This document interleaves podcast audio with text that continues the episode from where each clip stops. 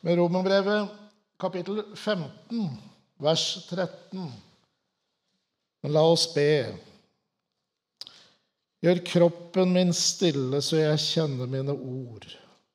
Gjør tungen min stille, så jeg hører mine tanker.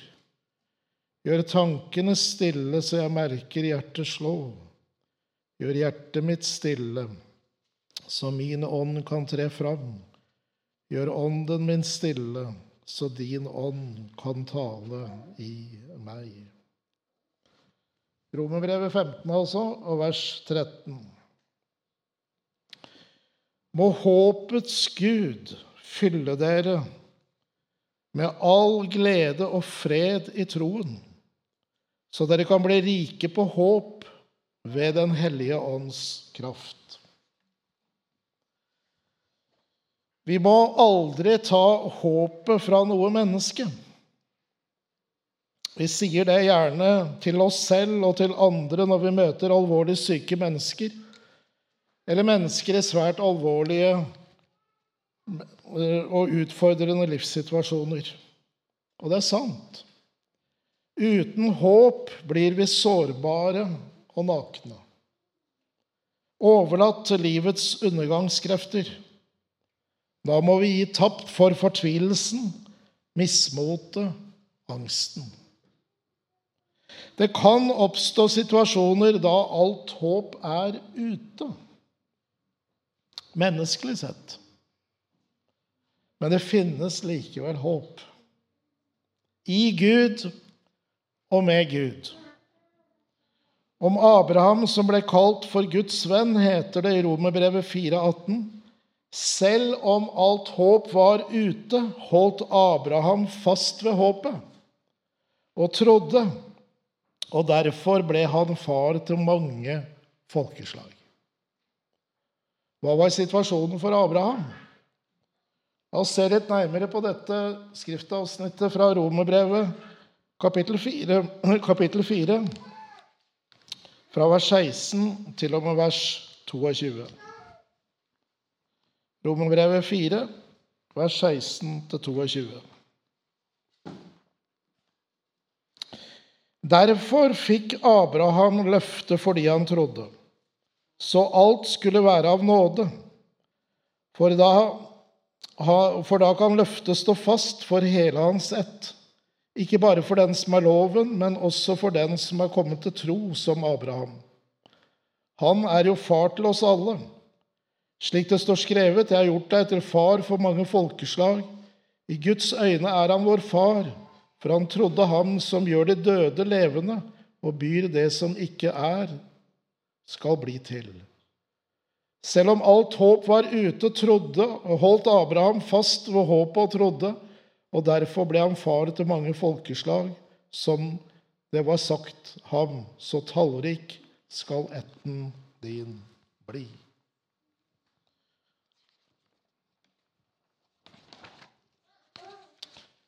Gud hadde gitt et løfte. Abraham skulle bli far. Men han hadde absolutt alle odds imot seg. Det er ikke så lett å bli far når du nærmer deg 100 og skjønnheten du er gift med, er 90. Menneskelig sett er det ikke mye håp da. Riktignok sies det at holdbarheten på egg er lenger enn datostemplingen, men her hadde man nok gått ut på dato. Hva var reaksjonen til Abraham når han hørte at han skulle bli far? Da må vi gå til første Mosebok, kapittel 17, vers 15-17. Første Mosebok, kapittel 17, vers 15 til 17.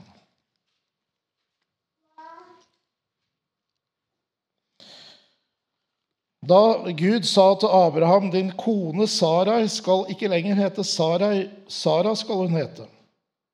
'Jeg vil velsigne henne og gi deg en sønn med henne også.' 'Jeg vil velsigne henne, og hun skal bli til folkeslag.' 'Konger skal, fra over mange folk skal komme fra henne.'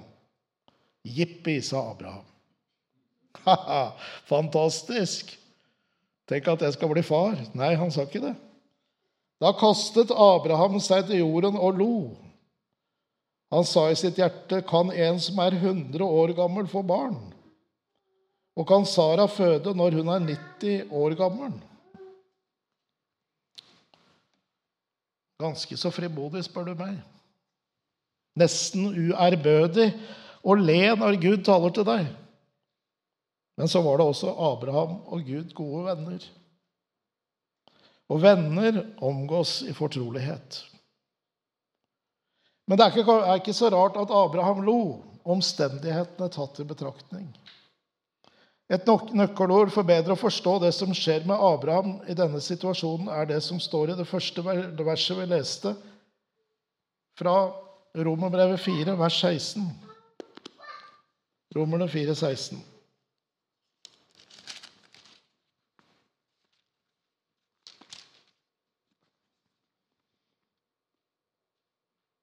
Derfor fikk Abraham, løftet, fikk Abraham løftet fordi han trodde, så alt skulle være av nåde. Abraham trodde Gud. Han valgte å tro det umulige, for alt skulle være av nåde. Det var Guds fortjeneste, dette. Guds verk, Guds handling, ikke Abrahams anstrengelse. Hva var det så Abraham trodde?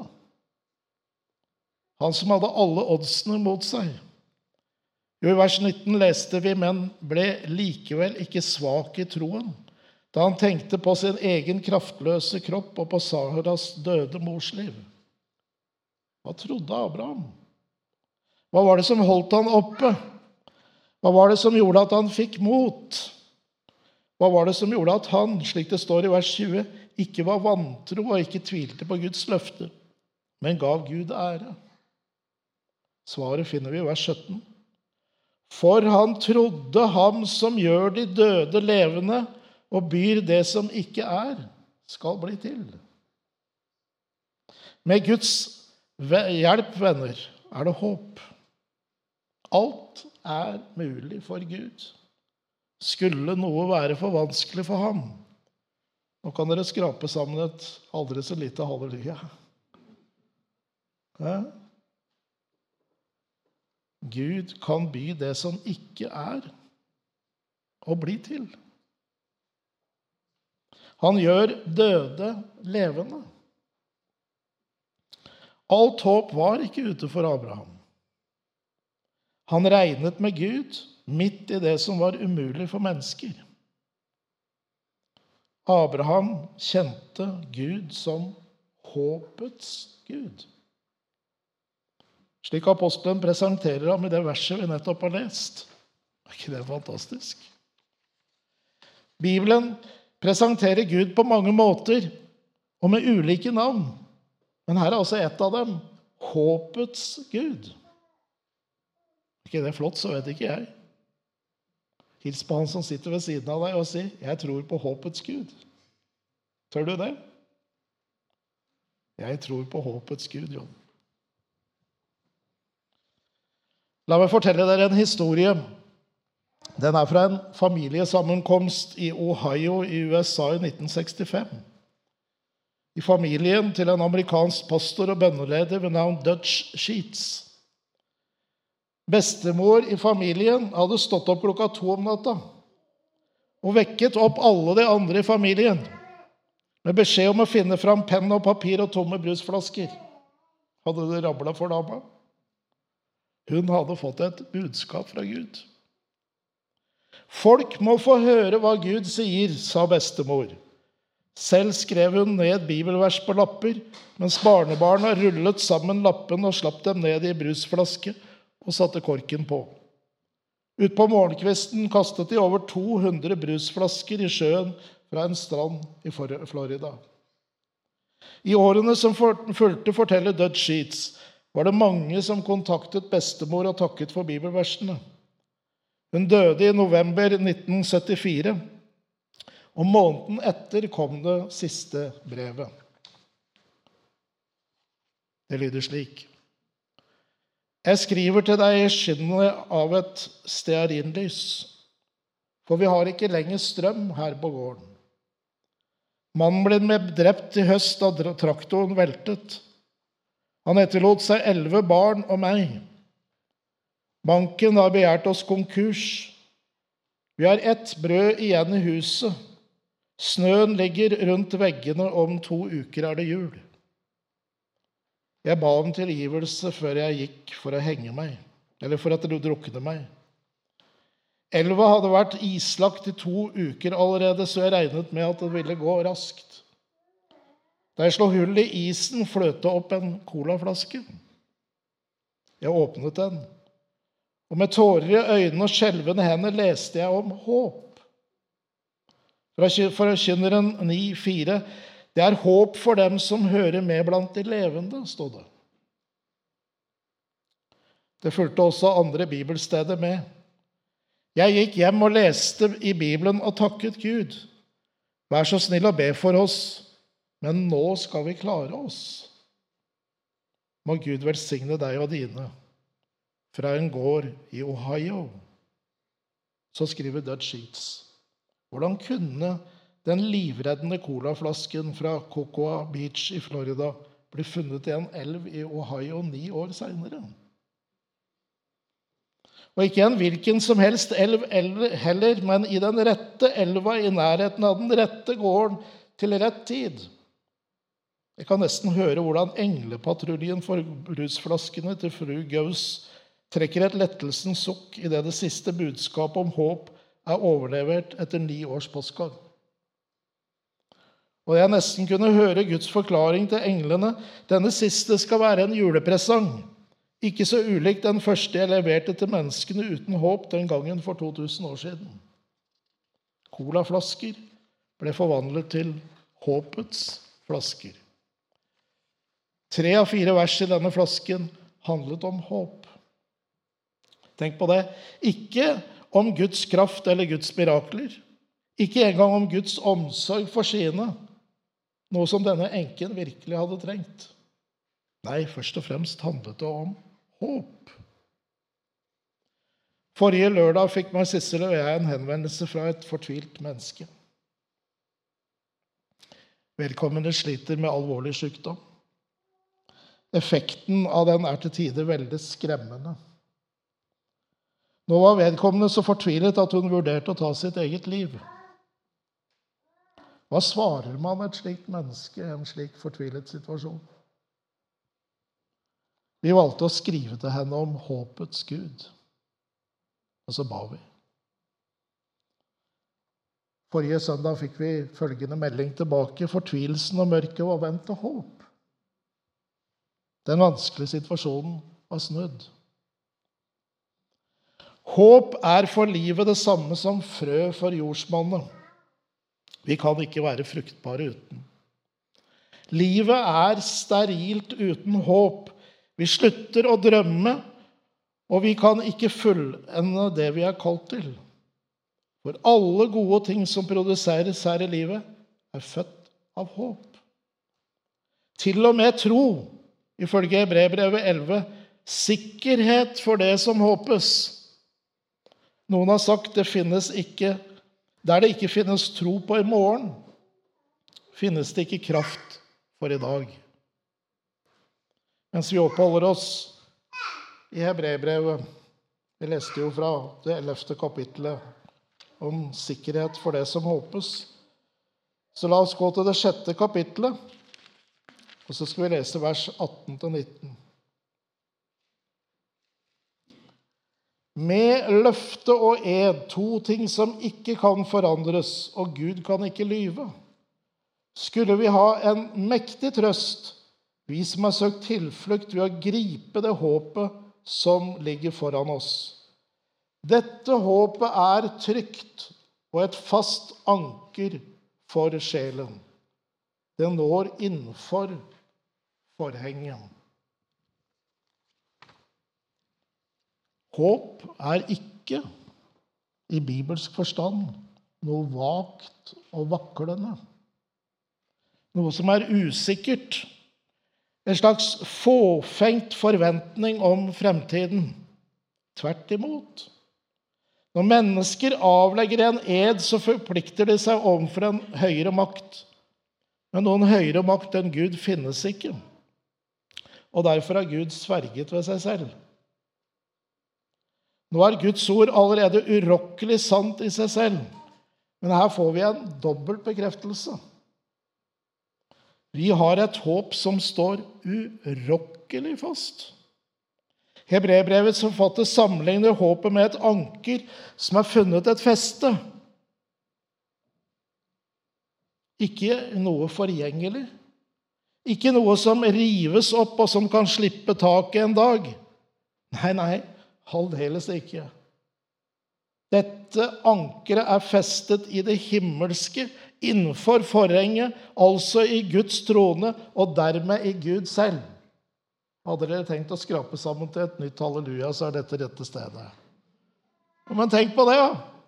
Det er ikke forankra i noe som kan gå i stykker, eller som rives løs.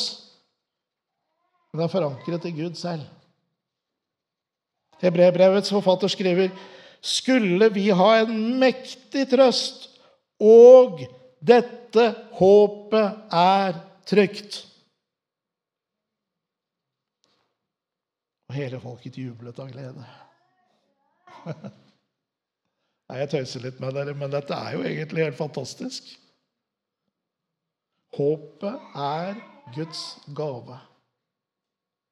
Mennesket har ikke noe tro, på, tro i seg selv, og har egentlig heller ikke noe kjærlighet i seg selv. Både troen og kjærligheten er gaver gitt oss av Gud. Det er et verk av Den hellige ånd. Slik er det også med håpet. Til forsamlingen i Efesos skriver apostelen Paulus.: Husk at dere den gang var uten Kristus, utestengt fra borgerrettighetene i Israel, uten del i pakten og løftet, ja, uten håp og uten Gud i verden. Men så skjedde det noe. Noen neste vers forteller oss Men nå Jeg elsker disse uttrykkene. Men nå, i Kristus Jesus, er dere som er langt borte, kommet nær til på grunn av Kristi blod. Relasjonen med Gud i Den hellige ånd tilfører oss tro, kjærlighet og håp. Håpet gir uttrykk for den kristnes forventning. Den som lever i tro, har alltid en grunn for å håpe og forvente store ting fra Gud. Håpet og troen er deler av nemlig samme livsstrøm. Uten håpets forventning blir trofasthet en umulighet. Uten vår vilje til trofasthet blir naturligvis også håpet en ønskedrøm, mer enn en realitet. Mens troens karakter er trofasthet, er håpets grunnkarakter forventning og tillit. Når mennesker i dagligtale sier at de håper, de, så gir de egentlig uttrykk for noe usikkert noe. Jeg håper det skjer, sier de. Jeg håper det skjer. Det er ikke sikkert. Men dette er ikke noe Bibels tanke. Tvert imot. Det bibelske håpet er en klippefast tro og har intet rom for usikkerhet. Og Derfor er det at troen henter sin kraft fra håpet. Og som John sa til innledningsvis vi har noe i vente. Vi har noe å håpe på. La oss lese mot slutten her nå fra 1. Peters brev. 1. Peters brev, kapittel 1, vers 2-9. 1. Peters brev, kapittel 1. 2-9. Lovet være Gud, vår Herre Jesu Kristi Far han som i sin rike miskunn har født oss på ny til et levende håp ved Jesu Kristi oppstandelse fra de døde, til en arv som aldri forgår, aldri skitnes til og aldri visner. Den er gjemt i himmelen for dere, dere som i Guds kraft blir bevart ved tro, så dere når fram til frelsen. Den ligger alt ferdig til å bli åpenbart ved tidens ende. Derfor kan dere juble av glede, selv om dere nå en kort tid, om så må være, har det tungt i mange slags prøvelser. Slik blir også troen deres prøvet. Selv forgjengelig gull blir prøvet i ild. Troen som er mye mer verdt, må også prøves, så den kan bli til pris og herlighet og ære for dere når Jesus Kristus åpenbarer seg. Ham elsker dere enda dere ikke har sett ham. Ham tror dere på enda dere ikke ser ham. Og dere jubler og er fylt av glede så herlig at den ikke kan rommes i ord. For dere når troens mål, frelse for deres sjeler. Vi er også født på ny til et levende håp. Det er det som er vår identitet. Dette levende håpet får oss til å utholde de vanskelighetene vi møtes på denne siden av livet. Og så vet vi at det finnes en side på den andre siden også. Paulus uttrykker det på samme måte i Romerbrevet 8. For i håp er vi frelst.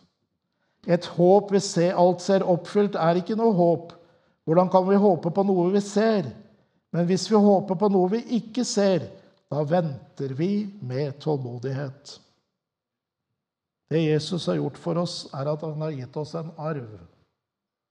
Peter sier at den oppbevares i himmelen. Jeg er spent på å se den arven. Vi fordeler den arven allerede her nå, nå i form av velsignelser og nådegaver.